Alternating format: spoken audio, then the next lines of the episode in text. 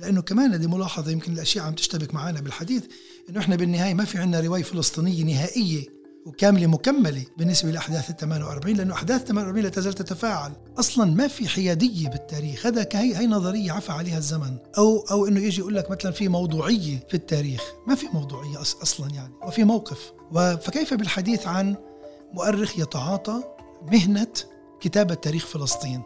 كفلسطيني. لا يستطيع أن يكون محايدا هذه النقطة الأولى. وأنا يعني بحكم فيها حكم قاطع. أنا بتعرف قديش بيكون فرحي كبير لما بشوف أنا هدول الأولاد راسمين على خدودهن العلم الفلسطيني. أولاد أولاد أطفال أطفال صغار أربع خمس سنين. مش فاهم شو عم بيصير يمكن مية بالمية. لكن لكن عم عم بعيش الحدث. والتاريخ الشفوي هو أن نعيش هذا التاريخ في الحاضنة الاجتماعية تبدأ من العائلة ثم تنتقل إلى مسيرة العودة. تحياتي للجميع بكمان حلقة من بودكاست الميدان. أنا عبد أبو شحادة عبر موقع عرب 48 بس زي دايما إذا حابين تدعموا المشروع ما تنسوش تتابعونا على جميع تطبيقات البودكاست. Spotify Google Cast Apple Cast إحنا موجودين هناك. طبعا إذا عندكم ملاحظات ممكن تبعتوا لي بريد على البريد الإلكتروني اللي مرفق للحلقة.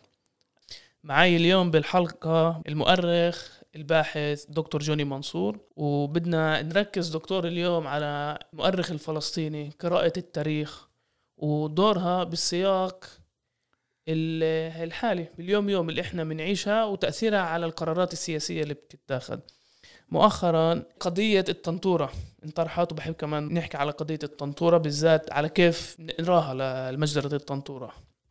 بس قبل خلينا نبلش مع السؤال إيش هو دور المؤرخ الفلسطيني؟ أنا أشكرك على الاستضافة وأنا باعتقادي أنه آه، دور المؤرخ الفلسطيني هو في ثلاث مسارات. المسار الأول أن يقدم المعلومة لأنه بدون المعلومة ما في عنا إحنا قاعدة. زي إحنا نقول في بدنا قاعدة معلومات أو قاعدة بيانات. في مختلف المجالات اللي لها علاقة بالتاريخ الفلسطيني سواء تحدثنا عن التاريخ السياسي أو الاقتصادي أو الثقافي أو الاجتماعي أو أو إلى آخره. المسار الثاني هو نقل هذه المعلومة وتحويلها إلى أن تكون معرفة. يعني الاستفادة من المعلومات المتوفرة بين إيدينا من ناحية تحليلية واستخدام كل الإمكانيات للتحليل وأنا بعني بذلك النظريات الفكرية اللي سواء كانت بالفلسفة مثلا أو كانت بالعلم الإنسان الأنثروبولوجي أو بعلم الاجتماع السوسيولوجي وإلى آخره من المواضيع اللي أنا بعتبرها اليوم هي عامل مساعد لفتح آه، الأبواب لفهم أعمق للأحداث التي جرت بالماضي. يعني ممكن تنظر أنت لحدث معين كمعلومة آه، تحول بدنا نحولها لمعرفة للناس ننظر لنظرة اجتماعية. ممكن تنظر لها نظرة سياسية ممكن تنظر لها نظرة عسكرية وممكن يكونوا كلهم مع بعض وهذا اللي بنقول عنه كلهم بالبعض كرزمة واحد هذا ما يتعلق بالتاريخ الفلسطيني يعني التاريخ الفلسطيني شائك وفيه تشعبات كثيرة جدا. بفعل آه، يعني ليس فقط حدث النكبة ما وصل ما أوصل لحدث النكبة وما بعد النكبة لغاية اليوم. المسار الثالث هو كيف يمكن لنا نحن تحويل المعلومة والمعرفة إلى قوة. في المج... في مجال استخدام هذه القوة في المجال السياسي للتأثير. هلا ممكن يكون المؤرخ صاحب معلومات بجيب لك معلومات وانتهينا ممكن يكون بجيب لك معلومات ويعطيك شوية معرفة بالتحليلية وكذا. ولكن أنا باعتقادي بحالتنا الفلسطينية على المؤرخ أن يتحول من مجرد مؤرخ يكتب مع الاحترام لزملائي وإخواني المؤرخين من مجرد شخص يكتب يوثق هلا بنيجي إحنا على التوثيق لأنه له أهميته بالنسبة لنا كفلسطينيين كل ما يتعلق بالوثائق والأرشيفات وما أشبه ولكن أن يتحول إلى مؤرخ مشتبك. ماذا نقصد بالمؤرخ المشتبك؟ هو المؤرخ عمليا اللي عنده المعلومة عنده المعرفة حلل درس ولكن يريد أن ينقل كل هذا المخزون للمستويات المختلفة من شباب آه، متعلمين أكاديميين حتى في مجالات غير التاريخ. إحنا هدفنا غير محصور فقط بإنه أنا بعلم التاريخ فقط للي بتعلموا تاريخ. لا إحنا التاريخ مفتوح لكل المجالات. ولذلك هذه المسارات الثلاث أنا أؤمن انها جزء لا يتجزأ من كل هذا المخزون. التاريخي بالنسبة للفلسطيني. إذا بتاخده أنت ككتلة واحدة وبتنظر له بتلاحظ إنه في عندك تيار من المؤرخين الفلسطينيين مزبوط يعني عدد قليل جدا. يعني مؤرخين مجال التاريخ هذا مش مجال آه، اللي هو فيه عدد هائل. لكن المتوفر لغاية اليوم واللي بتعاطوا عملية الكتابة مش بس على عملية التعليم. أنا ما بقصد بس تعليم في مراحل مدرسيه أو في المراحل الجامعية. أنا بقصد يعني كمان شخص اللي بيمارس مهنة المؤرخ على أرض الواقع بيشارك بمؤتمرات بيشارك باجتماعات بيشارك بلقاءات مستعد إنه يشارك بندوات بمحاضرات بنقاشات. هذا اللي أنا بسميه مشتبك. يعني بده ياخذ كل هذا المخزون اللي معه ويحوله إلى ساحة النقاش والحوار مع الناس. ليه؟ لأنه في الآخر أنت بدك القاعدة. مو إحنا كل هدفنا بالآخر إذا أنت بتزود الناس بالتاريخ وبالأدب والشعر والفكر والمسرح والرواية وإلى آخره بنسأل نفسنا سؤال إحنا لشو الناس بحاجة إلى كل هذه الروافد؟ حتى أنت تعزز وتعمق عند هدول الناس أنا بقصد شعبنا الفكر اللي هو مؤسس على الانتماء الوطني والقومي والالتصاق بالقضية. يعني عدم الابتعاد عن القضية وتقول والله هدول بس هذا شغل للمؤرخين هذا شغل شعراء هذا شغل روائيين هذا شغل مسرحيين. فأنا بنظرتي للمؤرخ هو من يتعاطى فعل كتابة النص التاريخي بعملية تحويله إلى فعل على أرض الواقع. ولا ممكن تسألني يعني طب كيف ممكن إحنا يعني نوضح للقارئ أو المستمع بحالتنا إحنا هلا عندنا بالبودكاست عندنا المستمع نحوله إلى شخص مهتم بموضوع التاريخ. في اليوم يعني قلة اللي عم بتعلموا تاريخ لكن أنا برجع وبقول إنه هذا الموضوع لا زال هو أحد المواضيع المؤثرة على كثير من القرارات اللي ممكن يتخذوها سياسيين أو ممكن يتخذوها رجال اجتماع أو يتخذوها رجال تربية. هو عمليا قديش ممكن إحنا نزود الناس بالمعلومة وبالمعرفة وبالتحليل. ونختلف. أنا مش مش ما بفرض رأيي. أنا بتناقش. وهذا هو بحسب رأيي أنا خميرة كل هذا الجهد اللي بنبذله إنه نصل بالآخر إلى نقاش والنقاش ده بيفتح آفاق واسعة جدا لدى المتلقي. لأنه كمان هذه ملاحظة يمكن الأشياء عم تشتبك معنا بالحديث إنه إحنا بالنهاية ما في عندنا رواية فلسطينية نهائية وكاملة مكملة. بالنسبة لأحداث ال 48 لأنه أحداث 48 لا تزال تتفاعل حتى يومنا هذا. دكتور بدي رح نوصل لل 48 بس اسمح لي أسألك واحدة الشغلات اللي بتميز الحركة الصهيونية واستعمار فلسطين هي الجانب التاريخي كيف الحركة الصهيونية بتروي تاريخ الشعب اليهودي وتاريخ دور الشعب اليهودي بفلسطين. في نوعا ما يعني كمان للخارج وكمان للمجتمع الإسرائيلي. تأكيد على أهمية استعمار فلسطين بسبب أحداث تاريخية. يعني هل دور المؤرخ الفلسطيني يجاوب على الحركة الصهيونية؟ يقول هلا يا جماعة يعني اللي بتحكوه هذا يعني ملوش صلة في التاريخ وهي دور هاي دور هاي اجتهادنا الأكاديمي اللي بنثبت فيه واحد اثنين ثلاثة تسلسل التاريخ وجود الشعب الفلسطيني في أرض فلسطين. ولا يعني بالآخر أنت جزء من من الأكاديمية. وفي الرواية اللي برأيي يعني لا تمت الصلة بالواقع المحايدة إنه المؤرخ هو بس لازم يوصف إيش صار. يعني ممكن يحولوا لقوة بس لازم يضله محايد وما ياخدش موقف واضح مع الواقع. أنا الواقع بدي أبدأ ب آه، يعني ملاحظتك الأخيرة أو مداخلتك الأخيرة. أنا شخصيا لا أؤمن بوجود حياد في التاريخ لأنه كل مؤرخ له موقف. هلأ أنت ممكن تكتب لكن نصك لا يمكن أن يكون حيادي ولا بأي شكل من الأشكال. أنا لا أؤمن بذلك. أصلا ما في حيادية بالتاريخ. هذا كهي هي نظرية عفى عليها الزمن. أو أو إنه يجي يقول لك مثلا في موضوعية في التاريخ. ما في موضوعية أصلا يعني. وفي موقف. فكيف بالحديث عن مؤرخ يتعاطى آه، مهنة كتابة تاريخ فلسطين كفلسطيني. لا يستطيع أن يكون محايدا هذه النقطة الأولى. وأنا يعني بحكم فيها حكم قاطع. مش بس على يعني كدوري أنا كمؤرخ اللي بتعاطى الكتابة التاريخية المتعلقة بالتاريخ الفلسطيني وكل ما له صلة بالتاريخ الفلسطيني وإنما هذا هو شأن الفلسطينيين كمؤرخين حتى لو أنهم كانوا تابعين ل مدارس أو مذاهب فكرية آه، في الغرب. بديش أنا أسميهم مستشرقين بالعكس لأنه في كثير عنا من المؤرخين الفلسطينيين والعرب اللي هن منتشرين في كل جامعات العالم وفي كل مؤسسات أو خلينا نقول معظم المؤسسات البحثية اللي موجودة في العالم.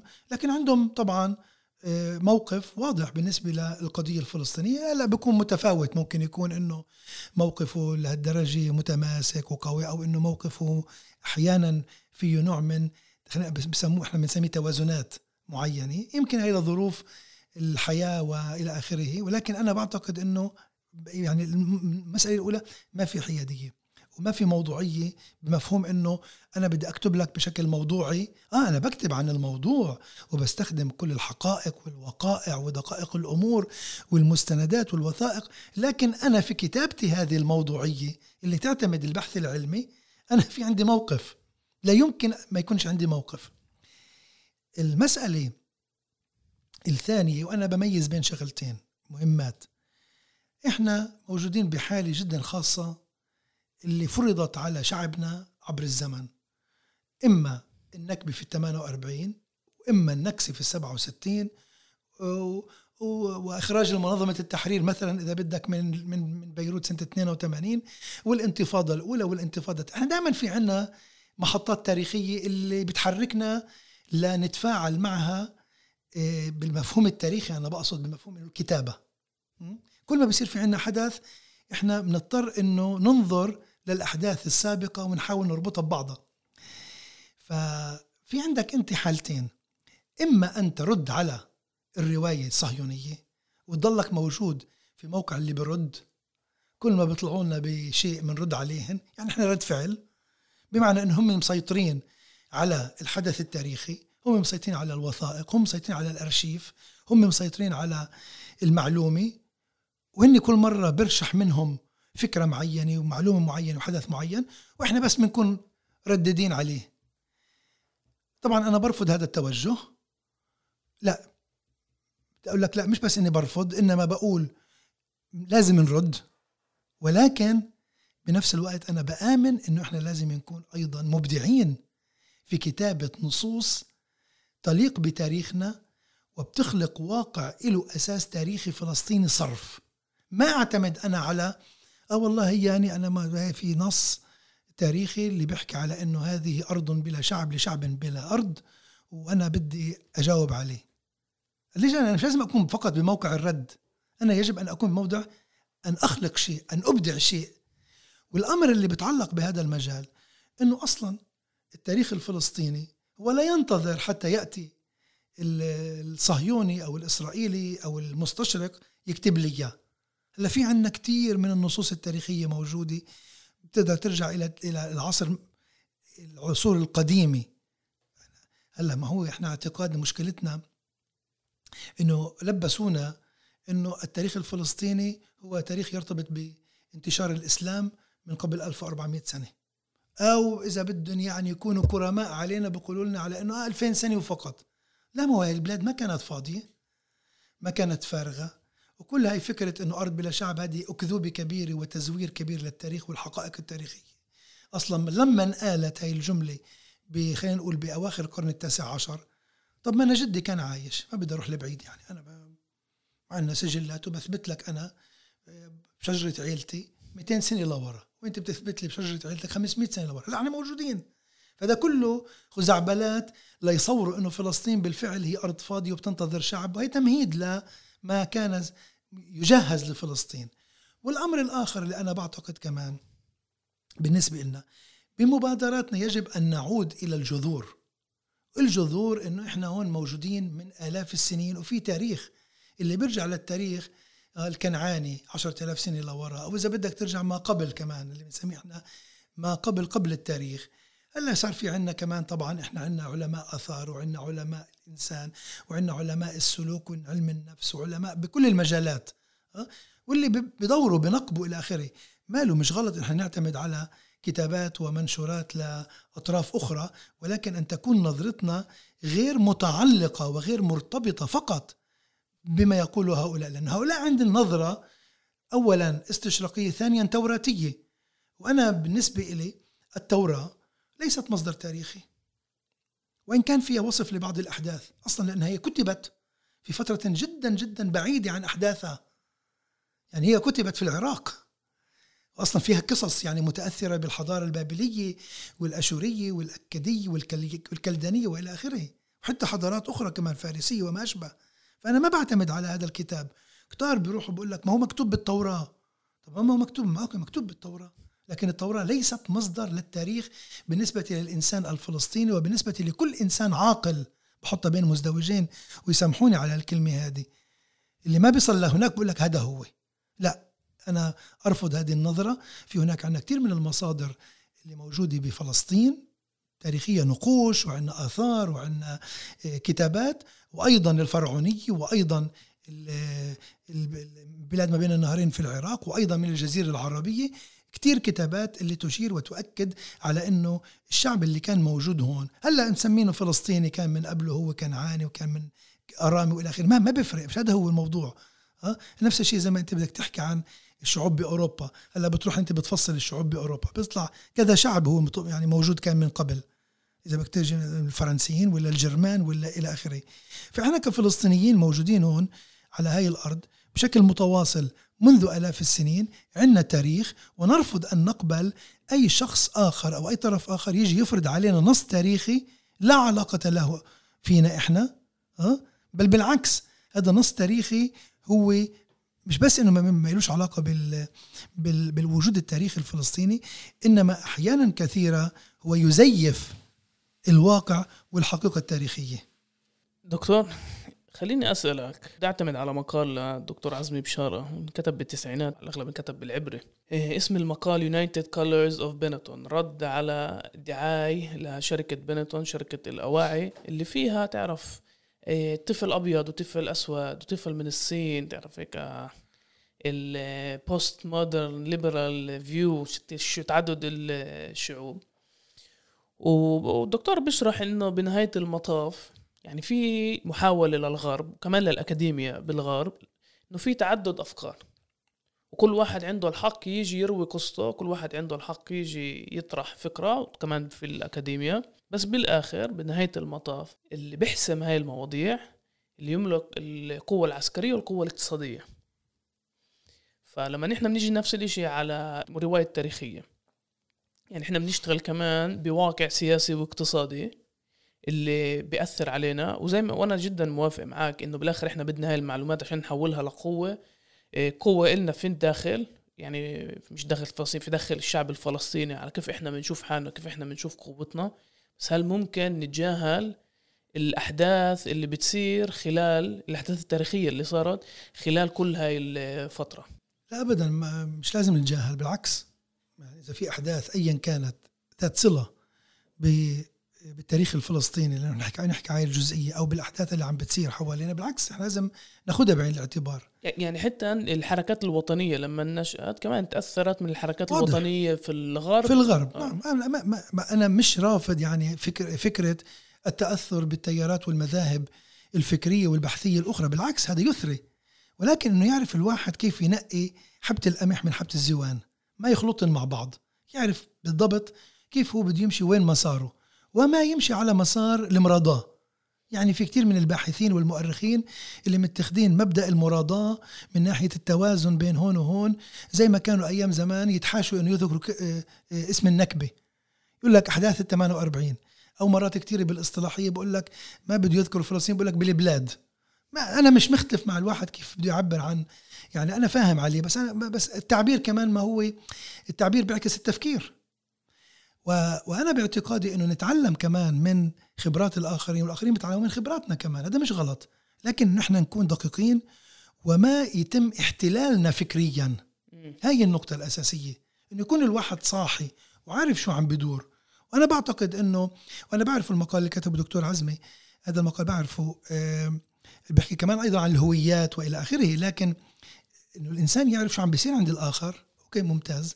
بس أنت ما تتبنى إذا شيء غير ملائم لك بمعنى هل أنت بدك تبني آه، هوية؟ أصلا الهوية تبنى. يعني هي لا تولد مع الإنسان ولا تولد مع مع مع الشعب. هي بتم عملية بنائها. ولليوم إحنا بعدها بنبني الهوية الوطنية والهوية القومية والهوية الفكرية والثقافية وإلى آخره. لذلك أنا أنا بعتقد إنه آه، وهي كمان نقطة أنا بدي أرد فيها على طرحك.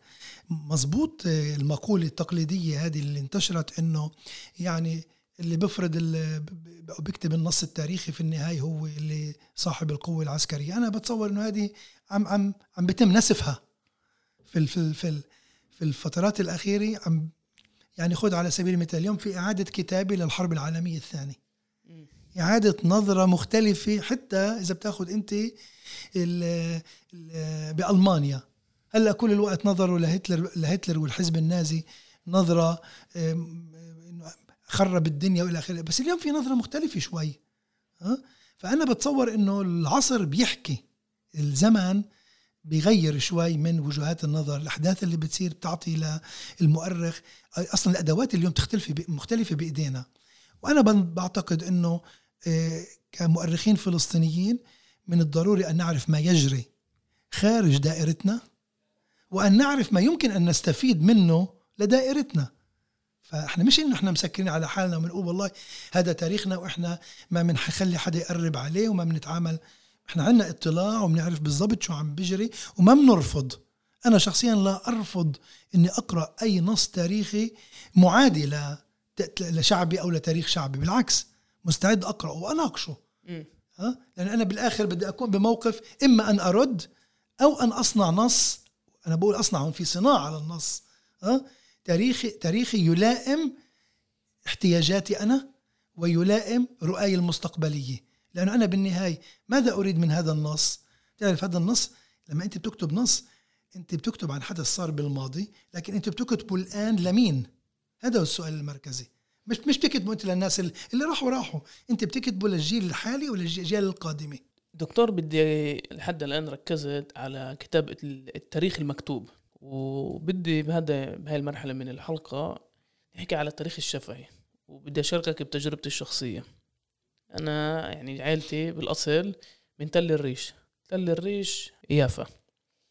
وأنا ربيت ببيت آه، اللي في سيدي كان عمره 23 سنة بال 48 ومتذكر مجزرة تل الريش.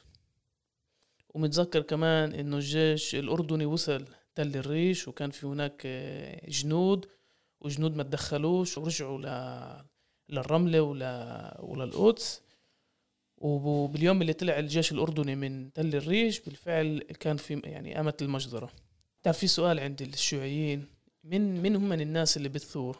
فالناس بتفكر إذا يعني إن الشعب نفسه اللي بمرق المجزرة أو بنظلم هو اللي بثور ففي طروحات تانية اللي بتقول لا الأحفاد اللي بثوروا ليش؟ بيربوا على التاريخ الشفهي من اجدادهم و التاريخ الشفهي هذا برأيك هل هو محرك بالفعل قوة عندنا بالشعب الفلسطيني لتسلسل الأحداث يعني مثير أنه أنت ذكرت ببداية الحلقة أنه 48 و 67 و 87 و2001 وهلا عندنا 2021 هل في ربط بين هاي الأحداث بسبب التاريخ الشفهي اللي ناخده من جيل لجيل؟ يعني أنا بتصور أنك أنت عم تطرح موضوع كتير كتير حساس ودقيق بمفهوم تفاعل الأحداث التاريخية بشكل مستمر في داخل حاضنة اجتماعية. ما هي الحاضنة الاجتماعية؟ تبدأ بالعائلة. وأنا لا أعتقد أنه عائلة فلسطينية تجتمع مرة كل أسبوع أو مرة في المناسبات والى آخره. ما بيكون في حديث عن الماضي. صحيح. هذا واضح. تبدأ من حضرتك وتبدأ مني ومن آخرين وإلى آخره. هذا الحديث الأولاد بيسمعوا اثنين تعال ناخذ هالأولاد اللي سمعوا وراحوا اشتركوا بمسيرة العودة. أنا بتعرف قديش بيكون فرحي كبير لما بشوف أنا هدول الأولاد أه؟ رسمين على خدودهن العلم الفلسطيني. أولاد أولاد أطفال أطفال صغار أربع خمس سنين. مش فاهم شو عم بيصير يمكن مية بالمية لكن لكن عم عم بعيش الحدث. والتاريخ الشفوي هو أن نعيش هذا التاريخ في الحاضنة الاجتماعية تبدأ من العائلة ثم تنتقل إلى مسيرة العودة. أنا أعطيتك نموذجين الآن. العائلة شو بدور حديث؟ وبطل اليوم في عيب. وبطل اليوم في والله شو اللي صار معنا؟ بتعرف لغاية ال 67 كانت الناس ما تحكي. أنا بعرف من عنا من البيت. بعد ال 67 شيء هيك زي زي ضربة صدمة وبدأت الناس تعبر أكثر عن شو صار معها. شو صار مع مع مع مع مع أبوي ومع جدي ومع مع مع أبوك ومع جدك والى آخره؟ عم نحكي. شو شوف صرنا اليوم جيل رابع إحنا ثالث عم نفوت على الرابع أه؟ فبنحكي بعد ذلك بتم التفاعل مش بس بالحاضنة الاجتماعية بتم أيضا التفاعل بجمع الشهادات. جمع الشهادات هي تاريخ شفوي. لما بتلتقي أنت مع الناس وهلأ إذا بناخذ إحنا على سبيل المثال ويطرح الآن كل قضية الشهادات المتعلقة بمجزرة الطنطورة وكثير شهادات قيلت وجمعت وسجلت ودونت وتنشر. إشي نشر والآن إشي وتنشر هلأ هذه في عليها جدال كبير. هل تعرف بال بالتاريخ الصهيوني برفضوا كل شيء اسمه oral history بقول لك أنا ما بدي تاريخ شفوي. أنتم بتعتمد؟ طب ما أنت سيطرت على كل اوراقنا بتتحكم فينا بالأوراق لا إحنا بالاكاديميا دكتور في أهمية لل oral history. بإسرائيل لا. هلا إحنا بالمدرسة الإسرائيلية بقول لك التاريخ الشفوي لكن بيستخدموه. آه.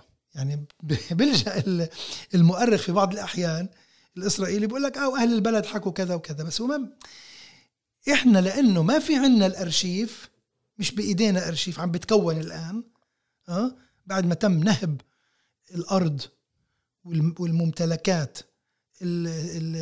المنقولة وغير المنقولة ومحتوياتها بما فيها الملفات. يعني ملفات وأوراق معظم خلينا نقول الفلسطيني موجودة في في في هذا الأرشيف أرشيف إسرائيل. فإحنا في عندنا أرشيف آخر ذاكرة الناس. واليوم في مدارس في العالم آه، ما ما ما, ما نطلع إحنا بس كأنه إسرائيل بتسكر لنا الطريق. هذا هو أنا بدي أسميه بطرف هذا هو دور العدو أو المنافس مقابلي أنا. بس أنا بدي أدور على مخارج. اليوم في مدرسة في العالم بتقول إنه التاريخ الشفوي جزء لا يتجزأ من النص التاريخي. بس بدي أعطيك مثل. في الولايات المتحدة لما بدرسوا الحرب العالمية الثانية أو بدرسوا عن حرب فيتنام قدام الطلاب أه؟ بتم إحضار كبار في السن أو محاربين قدامى إلى الصفوف ليحكوا مع الطلاب. طب مين هو هذا اللي عم بحكي أه؟ محارب يعني سابق قاتل في الجيش الأمريكاني في فيتنام أو بالحرب العالمية الثانية وإلى آخره. عم بحكي تاريخ شفوي. طيب لما أنتم بتجمعوا ما لا يقل عن كذا ألف شهادة ليهود ناجين من براثن النازية. شهادات. عشان أحكي لك الآن أنه في خمسة آلاف مذكرات لناجين من الصهيونية. في خمسة آلاف وأكثر. وهي عليها برضه جدال مين كتبن وكيف كتبوهن. لكن الشهادات اللي تم جمعها وتسجيلها والتقاط الصور أه؟ حتى الشعرة بجمعوها. طب هذا مسموح لك؟ وبتعتبره أنت جزء من تاريخك. وأنا تستكتر علي اني أنا أدور أدور على كل معلومة صغيرة من أفواه الناس. ولذلك أنا بعتقد إنه المؤرخ الفلسطيني واحد من مصادره التاريخ الشفوي. ويجب علينا أن نستعجل الأمر أكثر وأكثر إنه نجمع الشهادات. مزبوط إنه صار في عنا إحنا آخر 20 25 سنة كثير من الشهادات وهي تعتمد تعتمد مش بإسرائيل. آه بقول لك مش بإسرائيل بالأكاديمية الإسرائيلية مش معترفين بهي الشهادات شهادات الناس. لكن عالميا آه مقبولة. ليه مش مقبولة؟ بالعكس شاهد عيان مش بياخذوا شاهد عيان ل لمحكمة. طب شو بتأكد إنه هذا شاهد اذا بحلف لي باليمين قدام القاضي أو بحلف؟ لا إحنا بنقول هذا واحد من المصادر اللي إحنا بنعتمد عليها ومش بس نعتمد عليها هذا مصدر حي فعال في داخل الحاضنة الاجتماعية للشعب العربي الفلسطيني. قلت لك بيحكوا عنا بالعائلات بيحكوا عن بيحكوا عنا في آه، اجتماعات العزاء اجتماعات الأفراح. الناس بتحكي تاريخ. يعني ما نفكر إحنا بس إحنا اللي بنكتب التاريخ. في ناس بتحكي تاريخ بكل محل بتروح عليه بتلاقيهم بيحكوا بالتاريخ مش حيحكوا شيء تاني. أنا متأكد. كل واحد بيحكي ذكرياته. السؤال كيف أنت ممكن كمؤرخ إنك تاخذ هذه المعلومات وتحاول إنك بنسميه إحنا بالعربي إحنا في عندنا شيء بنسميه المصفاه أو الفلتر. إحنا ما بناخذ كل المعلومة معلومات من أفواه الناس لأنه إحنا بنعرف مع مرور الزمن شو بصير بالمعلومات. ممكن نزيد ممكن تنقص. هون هون دور المؤرخ كيف يعرف يستثمر هذه الشهادات ويحولها إلى نص تاريخي يعتمد عليه. دكتور أنت ذكرت التنطورة. أحد الشغلات اللي بتزعجني باثار الجدال مؤخرا على التنطورة إنه هاي الشغلات إحنا نكون عارفينها. في بعض المؤرخين كمان كتبوا عليها وفي بعض الناس اللي إيه، أحفاد إيه، لاجئين الطنطوره بيطلعوا بيحكوا عنها. ولكن في ظاهرة لما بيطلع إسرائيلي بيحكي إنه كان في مجزرة بالطنطورة بصير إلها أهمية. يعني حتى بكتابة التاريخ في هذا التمييز يعني بين إذا دكتور جوني منصور من حيفا كتب عن شي مجزرة لبين واحد اسمه موشي دكتور موشي شي كتب عن المجزرة. هل برأيك بدل على ضعف شخصيتنا أو هل إحنا بحاجة إنه يعترفوا بالمجازر اللي قاموا فيها. عشان يعني يعني هلأ في فيلم جديد للمخرج آه، آه، ألون شفارتز. ألون شفارتز ب Sundance Festival بالولايات المتحدة. وقايمة قاعد الدنيا عليه صار في أربع خمس مقالات بجريدة هآرتس وبين اللي زي اللي ناس بتناقش إذا كان في مجزرة أو ما كانش في مجزرة. والناس اللي بتقول لك آه كان في مجزرة بس الحل هو نقلبها لشغلة فولكلور وكأنه. يعني ليش برأيك في أهمية للمؤرخ اليهودي الإسرائيلي؟ إيه، حتى لو إنه إحنا بنحكي بالأكاديمية الإسرائيلية عن المؤرخ العربي الفلسطيني. أنا بدي اياه يعترف أنا بدي هذا المؤرخ يعترف ويعلن بالعلن إنه صار في مجزرة. طبعا أنا لا أنتظره. لأنه إحنا مثلا مثل ما حضرتك تفضلت إحنا بنعرف عن المجزرة. يعني أنا شخصيا بعرفها من البيت.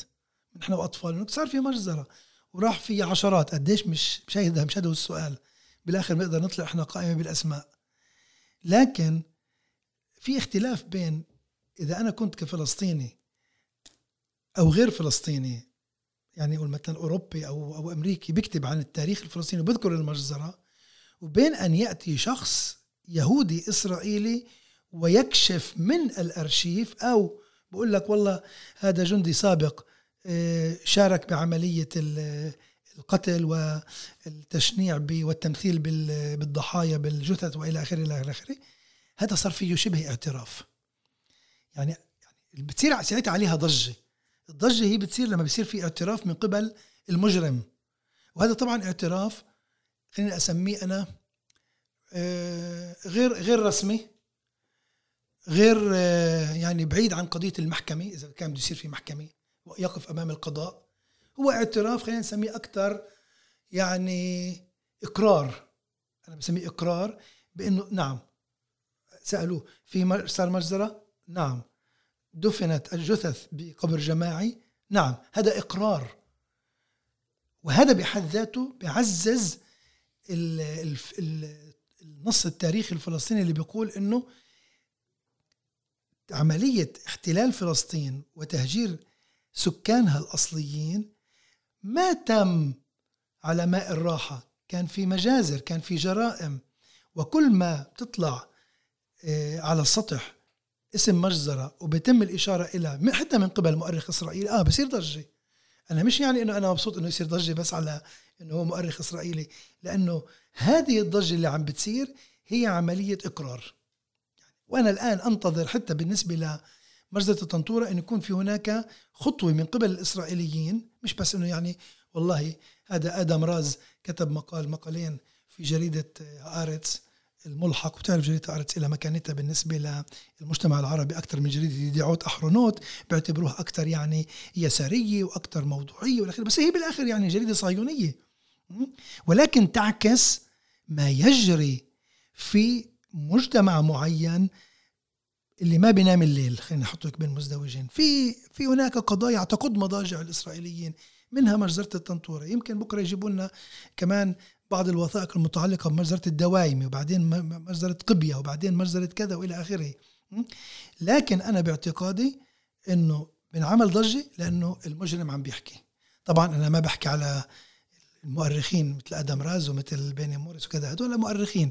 لكن هو يعكس صورة اللي نفذ العملية. وبعد في هناك خمس أشخاص. ليش بالفيلم كان في خمس أشخاص. بفيلم ألون شفارتز اللي قابلهم اللي اعترفوا. هم نفسهم كانوا ضد الاعتراف بأنه صار في مجزرة. أنكروها كليا إنه ما صار في مجزر. هذا حكي فاضي كان. بسنة 98 لما تيدي كاتس الطالب الجامعي قدم أطروحة لنيل درجة الماجستير من جامعة حيفا جروا له المحكمة وألزموه أن يعترف إنه هو عمل غلط. هلأ بعد 25 سنة من رسالة الماجستير وبعد 73 أو 74 سنة من النكبة ومن المجزره اللي صارت بالطنطوره في حدا بيعترف. لذلك أنا بقول إنه يجب استثمار. هذا الاعتراف كجزء لا يتجزأ من التاريخ العربي ككل لأنه العرب أيضا المجازر على فكرة ما صارت بس ضد الفلسطينيين كما صارت ضد العرب. صحيح. إذا كان بالأردن ولا بلبنان ولا بسوريا ولا بمصر ولا ولا بالعراق. يجب استثمارها لبناء آلية لكيفية اولا محاكمة تاريخية وثانيا محاكمة قضائية فيما لو أتيح المجال لتقديم دعوة قضائية في إحدى المحاكم الدولية أو هيئة دولية. ما بعرف هذا قلت لك أنا بدنا مجال هذا مجال قانوني. بدنا يكون في حديث مع قانونيين حتى يوعونا هل في إمكانية نرفع دعوة ولا فيش زي بتعرف بالسنتين الأخيرات الثلاث سنوات الأخيرات أشخاص آه، فلسطينيين بده يرفعوا دعوة على حكومة بريطانيا بالنسبة لتصريح بلفور. وإنه يتهموا بريطانيا بعد مرور أكثر من 100 عام بيعتبروا أنه تصريح بلفور هو مصدر المصيبة الكبرى أو النكبة الكبرى. فإحنا بدنا نضلنا متابعين يعني مش قاعدين إحنا على جنب بس إحنا متابعين وبننظر كيف الأمور عم تتطور. أه؟ يعني هلا أنت بتشوف إنه قالوا في قبرين جماعيين في موقف سيارات بالطنطورة. طيب شو بعدين إحنا بدنا نعمل؟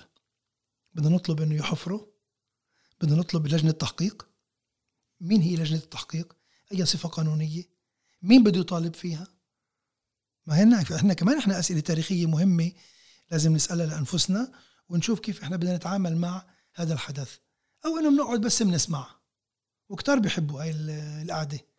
دكتور عندي نظرية بهذا الموضوع إنه إسرائيل مستعدة تعترف بمجازر إذا فيش دفع ثمن والمجزرة بتتحول لفولكلور. مثل السود بأمريكا وفتره وفتره تعامل البيض مع مع السود ومثل الأصلانيين في أمريكا ومثل الأصلانيين في أستراليا. الحكومات هاي اللي هي حكومات كمان استعمارية بين إذا كانت أمريكا أو أستراليا تعترف بحق الأصلانيين بس بعد إيش؟ بعد ما مرور مئات السنين وفي دولة وفيش دفع ثمن حقيقي.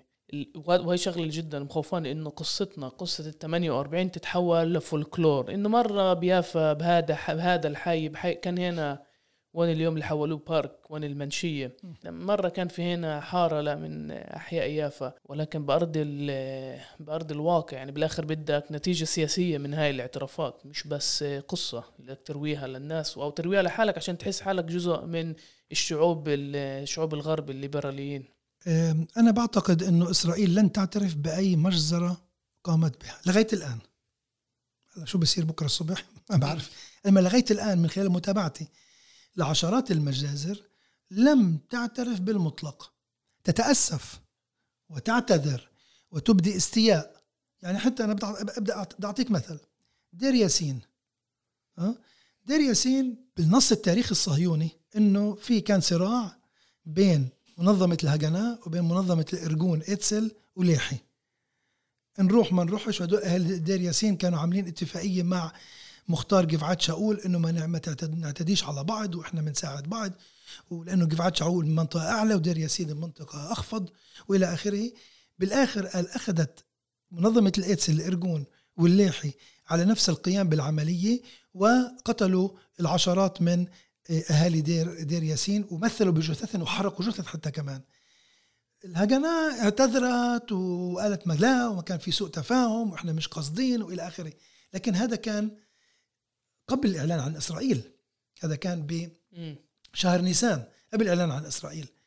هل هل انه الحكومة الإسرائيلية بدأت تتعامل مع هاي المجزرة وتعترف بها بالمفهوم التاريخي ولا بس ممكن يكونوا شخصيات سياسيين ويطلعوا يتحدثوا إلى آخره؟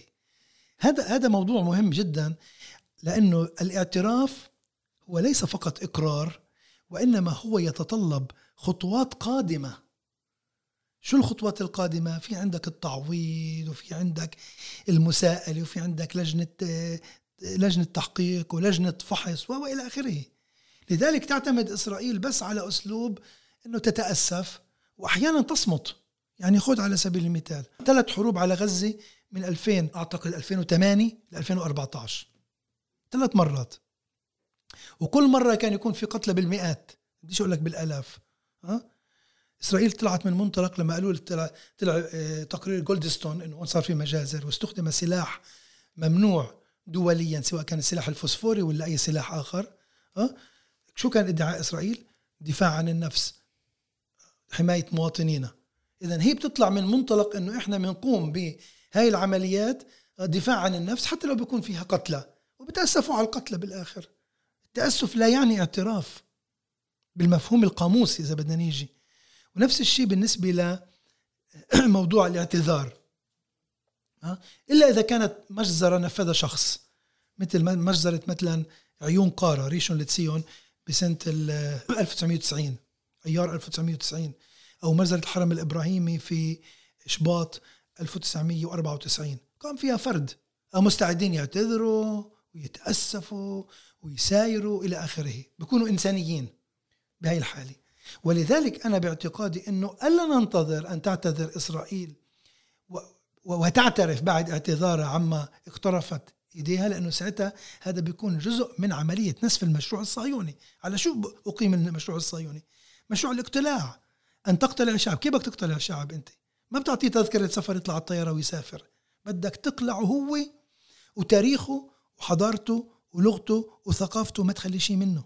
هذا اللي عملته إسرائيل والحركة الصهيونية. فهي مش رح تعترف باللي عملته هي بتقول إحنا بيطلع لنا حق بهذا الوطن بهاي الأرض أعطانا إياها الله. إلى آخره من الخزعبلات آه، والكلام الفارغ. أنا بعتبره بالفعل كلام فارغ. تاريخيا ما في له أساس. لكن هم متمسكين فيه. ولهذا ما يتوجب علينا كفلسطينيين اولا ثانيا كعرب أن نضع خطة ونفكر كم مجزرة في عنا. 60 70 آه شو لازم نعمل فيهن؟ كيف بدي أستثمر هذه؟ أنا لا. أول شيء النص التاريخي كيف لازم اكتبه اثنين الدعاية. لأنه كمان هالجرائم هذه اللي ترتكب والمجازر وغيرها كيف أنت ممكن تستثمرها لصالح شعبك وما تكون ساكت؟ لغاية الآن مثلا على مجزره الطنطوره بدي أعطيك أنا بس أرجع للموضوع هذا. في تقريبا صمت فلسطيني يعني غير إنه كتبت مقالات وتحركنا وكذا بس في صمت رسمي. ما في حدا طالب. طبعا لا أتوقع يعني لا من سلطة ولا من منظمة التحرير إنه يعني هدول بالكاد يمشوا حالا يوميا. لكن أنا ما بتوقع منهم إنه يجوا يطالبوا. لكن لازم أن تشكل لجنة كان من المجتمع العربي الفلسطيني في الداخل وتطالب لأنه بكرة ستكشف أيضا آه، قبور جماعية أخرى مش بس بالطنطورة هلأ اللي موجوده أيضا بقرى وبلدات أخرى تعرضت إلى مجازر وإحنا بنعرف أسماء المجازر على فكرة أهالي كل القرى بيعرفوا مين هم الشهداء. طب وين إحنا مش مجمعين كل أسماء هذه الشهداء هؤلاء الشهداء؟ ليه؟ ليه مش مجمعينها ومش عاملين من وراهن استثمار؟ يعني يعني يسامحونا الشهداء وأهل الشهداء لكن هذه قضايا اللي ما بمر عليها مر الكرام. مثل مثل الكارثة اليهودية اللي صارت أو الكارثة اللي كل أوروبا صارت. مين مين فينا بيستنكرهاش؟ إحنا كلنا بنستنكرها. وإحنا بنشب كمان كل عمل عملته النازية والفاشية ولكن إحنا بنفس الوقت كمان بنطالب بحقوق لشعبنا وحقوق لشهدائنا. وهذا هذا هو اللي لازم يحركنا. مش عم بحكي أنا بس على مؤرخين على صناع قرار. المثير دكتور انه هم لليوم بتذكروا بكل حدث صار قبل 100 سنة. يعني لليوم آه، متذكرين إيش صار بيافا ب 1921 وإيش صار بالقدس ب 1929 وبنين رواية كاملة. يعني واحدة من من الصبايا اللي بتشتغل بصحيفة هآرت كتبت رد على موقف في الجريدة عنده برأيي يعني رد جدا يعني موقف الجريدة جدا فارغ يعني فيش فيه إشي حقيقي. فبتقول إنه قمنا بمجزرة. طيب وإيش المشكلة؟ العرب كمان كانوا ممكن يعملوا يعني صارت تتنبأ يعني إيش العرب كانوا ممكن يعملوا أو ما ما يعملوا. إيه، بس قدرتهم إنه يتذكروا قدرتهم إنه يأرخوا آه، بيأثر كمان على اتخاذ القرار يعني مثلا آه، لليوم متذكرين ولليوم بيراجعوا البيوت اليهود اللي كانت موجودة بالخليل أو كانت موجودة بالضفة. ونعم كان في يهود فلسطينيين. طبعا عايشين مع مع المجتمع العربي الفلسطيني. صحيح. وصناع القرار لليوم بيطالبوا بإيش كان هنا قبل إيش كان بهاي مين مين بيطالبوا بالأملاك اللي كانت قبل 100 سنة بالمناطق في في ال 67 نعم. أنا في واقع الأمر يعني لأنك أنت ذكرت آخر جملة كتير مهمة. أنا بعتبرها جملة مفتاح. هل نحن نملك ذاكرة قصيرة المدى أم بعيدة المدى؟ هذا سؤال يعني هو فردي أولا شخصي. واثنين كمان جماعي. هو كيف أنت بتخلي الحدث التاريخي فعال. بدك تنيمه بتنيمه. آه، بدك تحييه بتحييه. هذا هو السؤال إحنا كيف نقدر نعمله؟ طبعا هذا مش بس المؤرخ بيقدر يعمل المؤرخ شغله شوي بياخذ وقت.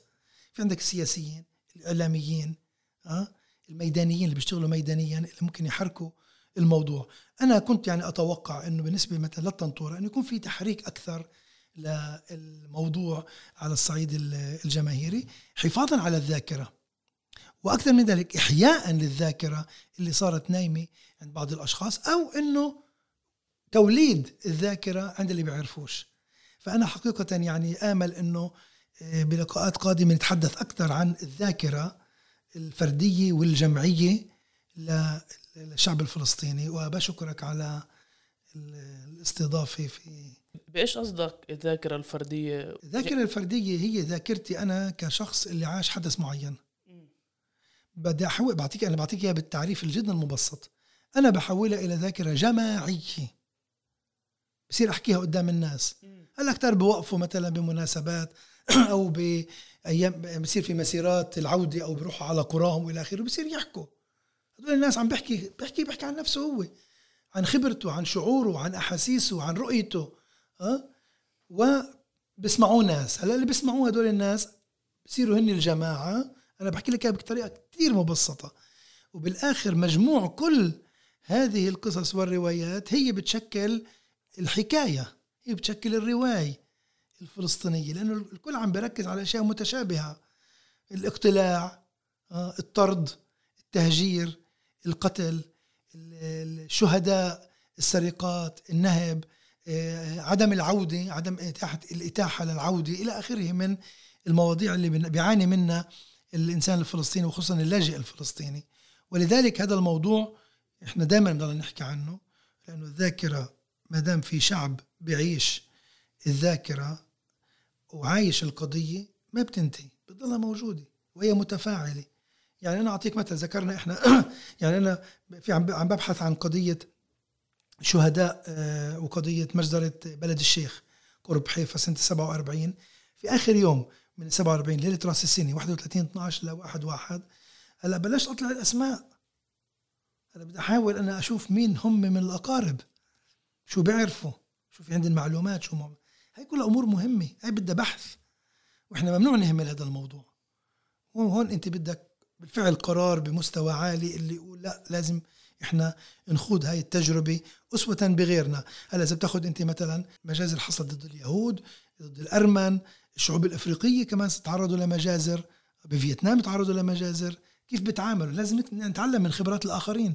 ونشوف هل نستطيع أن نستفيد من هاي الخبرات ل... لتاريخنا ولا إحنا بس هيك يعني بنقول عن الموضوع بنستهلكه بنتي.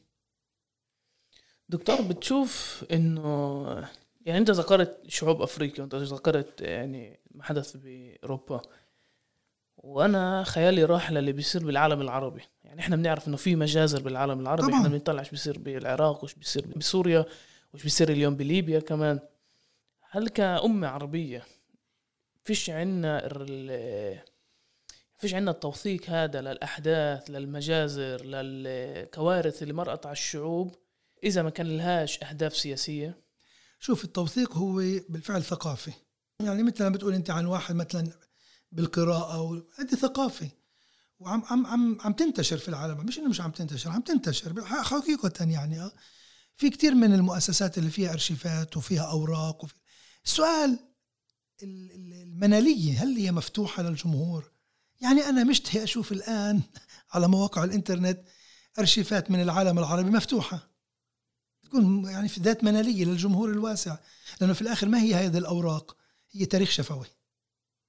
الأوراق هذه الوثائق هي تاريخ شفوي تم تحويلها إلى كلمات. نص. فأنا كيف بدي أستفيد منها إذا أنت مسكرها؟ يعني أنا بعطيك بس على سبيل المثال أرشيف جامعة الدول العربية في القاهرة. لماذا هذا الأرشيف غير متاح؟ مغلق. إلا إذا بدك تروح لهناك ويمكن يفتحوا لك إياه أو لا. اليوم إحنا في عصر التكنولوجيا وإلى آخره كل شيء اليوم مفتوح. بما في الأرشيف الاستعماري لاكبر دولة استعمارية لبريطانيا مفتوح. طبعا الأرشيف الإسرائيلي مش مفتوح كله. في لجنة خاصة اللي تفحص الملفات وفي بعض الملفات تغلق ل عام. بس بعطيك أنا مثال ملفات يوم الأرض مغلقة حتى سنة 2081 ولكن إحنا كعرب يجب إنه نهتم قديش نقدر نجمع أكثر أوراق وأن تكون مفتوحة ومتاحة للباحثين حتى يبقوا على اطلاع على ما جرى وبالفعل بضلن مواظبين. أما إذا بدك تفتح لي الأرشيف بعد مئة عام بيكونوا كتار صاروا سابقيننا وعاملين نصوص تاريخية ومسيطرين على المشهد التاريخي. أنا أنا بزاحم أنا في عندي مزاحمة مع مؤرخين آخرين بالعالم. حتى ما يفرضوا علي نص نص تاريخي اللي اللي بيمشي حسب أهوائهم السياسية وأطماعهم الكولونيالية. أنا بدي فتح الأرشيفات كلها الفلسطينية وفي العالم العربي. دكتور تسمح لي أستفزك؟ تفضل. هاي أنا روايتي الشخصية. أنا بعرف قديش أنت بتحب حيفا مدينة حيفا. بس أنا هيك بحب كان مدينة يافا. ما أنا بحب يافا كمان ما تتكلم فأنا عندي كمان نظرية. من وين اجى اسم حيفا؟ طلع حيفا بدك تطلع أنت على التسميات وتسمعها بالأرامي والكنعاني. وما تسمعها بالعبراني.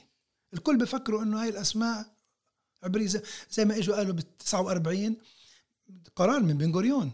غيروا الأسماء العربية وأعطوها قدر الإمكان أسماء عبرية أصلية. يعني تخيل على سبيل المثال في عندنا شارع بحيفا كان اسمه شارع المأمون. دائما أنا بجيبه مثل. حولوا لأني مأمين. شوف شوف الفرق الشاسع بين هذا وهداك ها؟ أو إنه مثلا عندنا شارع اسمه طنطوره حولوه إلى شارع دور. ليه؟ لأنه هي اسمها دور. بس دور مش اسم عبري. طنطورة البلد القديمه اللي كانت موجودة من التاريخ اسمها دور يعني البيت. قال سموها دور. بس هي مش عبراني. هي أسماء الكنعانية الأرامية القديمة مثل ما بقول لك عن الشيكل. مين قال لك إنه الشيكل اسم عبري؟ أما هو مكتوب حتى بالتوراة. إذا بدنا نرجع للتوراه ها؟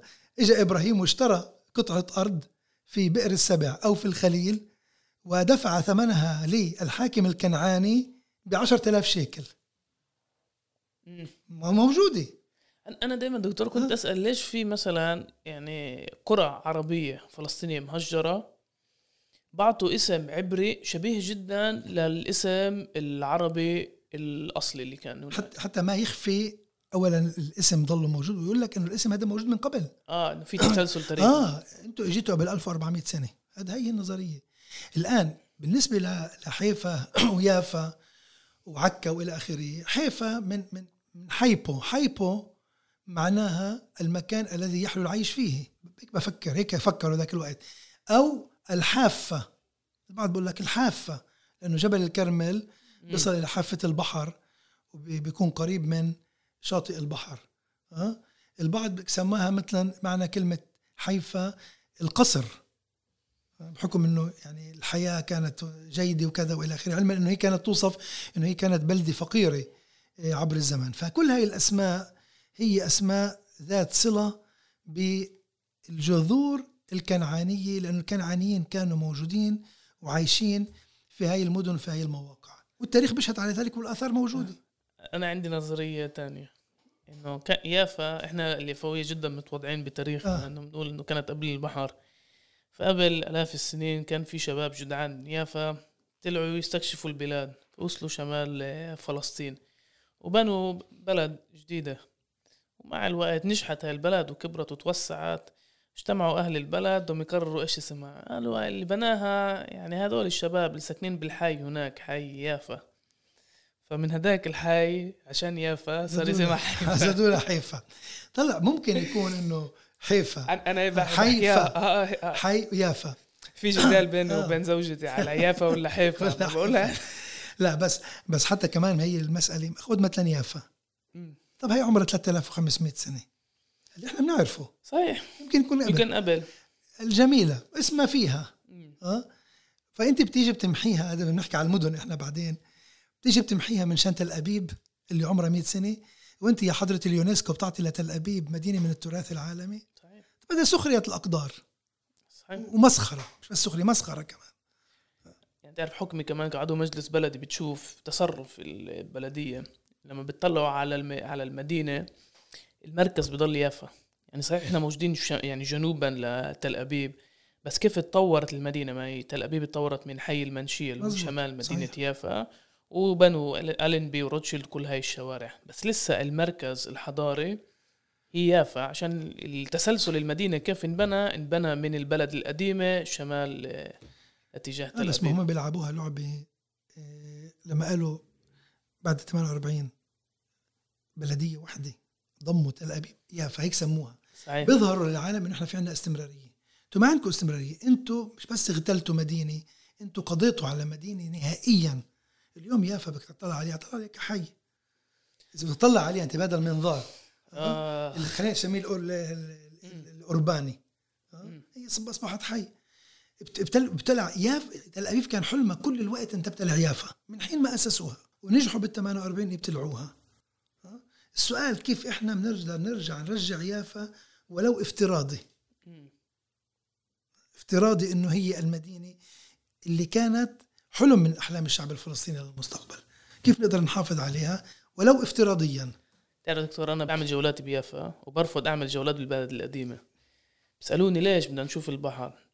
بقول لهم صار في يعني هاي الفقرة النمطية إنه البلد القديمة هاي يافا. وبعدين في تل أبيب الكل ال... في هيك الأورينتاليزم. إنه بدهم يشوفوا الإشي القديم والمسجد والكنيسة والحمام التركي الموجود. عشان إحنا نفهم يافا لازم نروح على شارع النزهة جامع جمال باشا.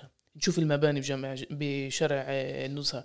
نشوف المسرح المعمارية. الهندسة المعمارية المسرح البنوك ال- التخطيط الشارع. يعني هذا بورجيك يعني بتصير تشبك بين الأمور. يعني مثلا كيف شارع الملك فيصل بجيبك للقدس. يعني بيطلع من المينا وبضلك ماشي دغري توصل اليوم صار شارع واحد بجيبك للقدس. وبحاول من الجولات إنه أمر للناس إن إحنا نحكي على مدينة مش بلد قديمة. مهمه البلد القديمة في لها جميلة. دكتور يعطيك العافية. فيك يعطيك ألف عافية وشكرا لك هي كانت كمان حلقة من بودكاست الميدان مع دكتور جوني منصور. إذا حابين البرنامج ما تنسوش تتابعونا على جميع تطبيقات البودكاست. طبعا إذا في عندكم ملاحظات ممكن تبعتوا لنا إياها عبر البريد الإلكتروني اللي مرفق بتعريف الحلقة